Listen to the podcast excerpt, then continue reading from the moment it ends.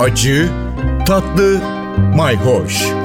Yemek kültürü yazarı Aydın Öneytan'la bir tutam tarif, biraz da tarih. Merhabalar. Ispanak güç veriyor mu vermiyor mu tartışmalarını bir yana bırakalım. İçinde demir olsa da olmasa da en azından bizim evde çok sevdiğimiz bir sebze. Şimdi tabii bir de ıspanaklı yemeklere bakalım. Bizim mutfağımızda ıspanak genellikle kıymalı yapılır. Yanına da yoğurtla yenir. Kime sorsanız aslında onu tercih eder.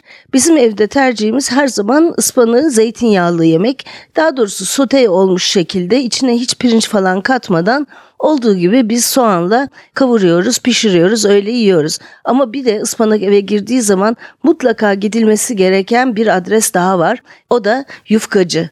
Evet ıspanaklı böreğe gerçekten müthiş bir zaafımız var diyelim evde. Özellikle benim kızım benim yaptığım tür ıspanaklı böreğe bayılıyor. Hemen size tarifini vereyim. Çünkü çok kolay. Bir kere ıspanağı çiğden koyuyoruz ve hiç peynir koymuyoruz. Ispanakları güzelce yıkayın. 3 yufka yetecektir. Eğer büyük fırın tepsisi kullanıyorsanız belki 4'e çıkabilirsiniz. Yufkası az, ıspanağı bol bir börek bu. Gene tepsinizin büyüklüğüne göre bir veya iki yumurtayı hacmi kadar eşit olacak derecede zeytinyağıyla karıştırın. Buna birazcık da bu ikisinin hacmi kadar da soda ekleyin.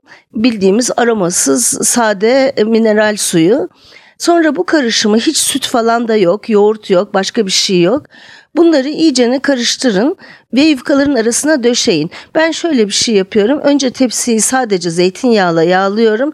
İlk kata da bu harçtan birazcık koyuyorum. İkinci bir katın üstüne de bol miktarda ıspanağı elimle şöyle parçalayarak koyuyorum. Bazen evde varsa taze soğan koyduğum da oluyor.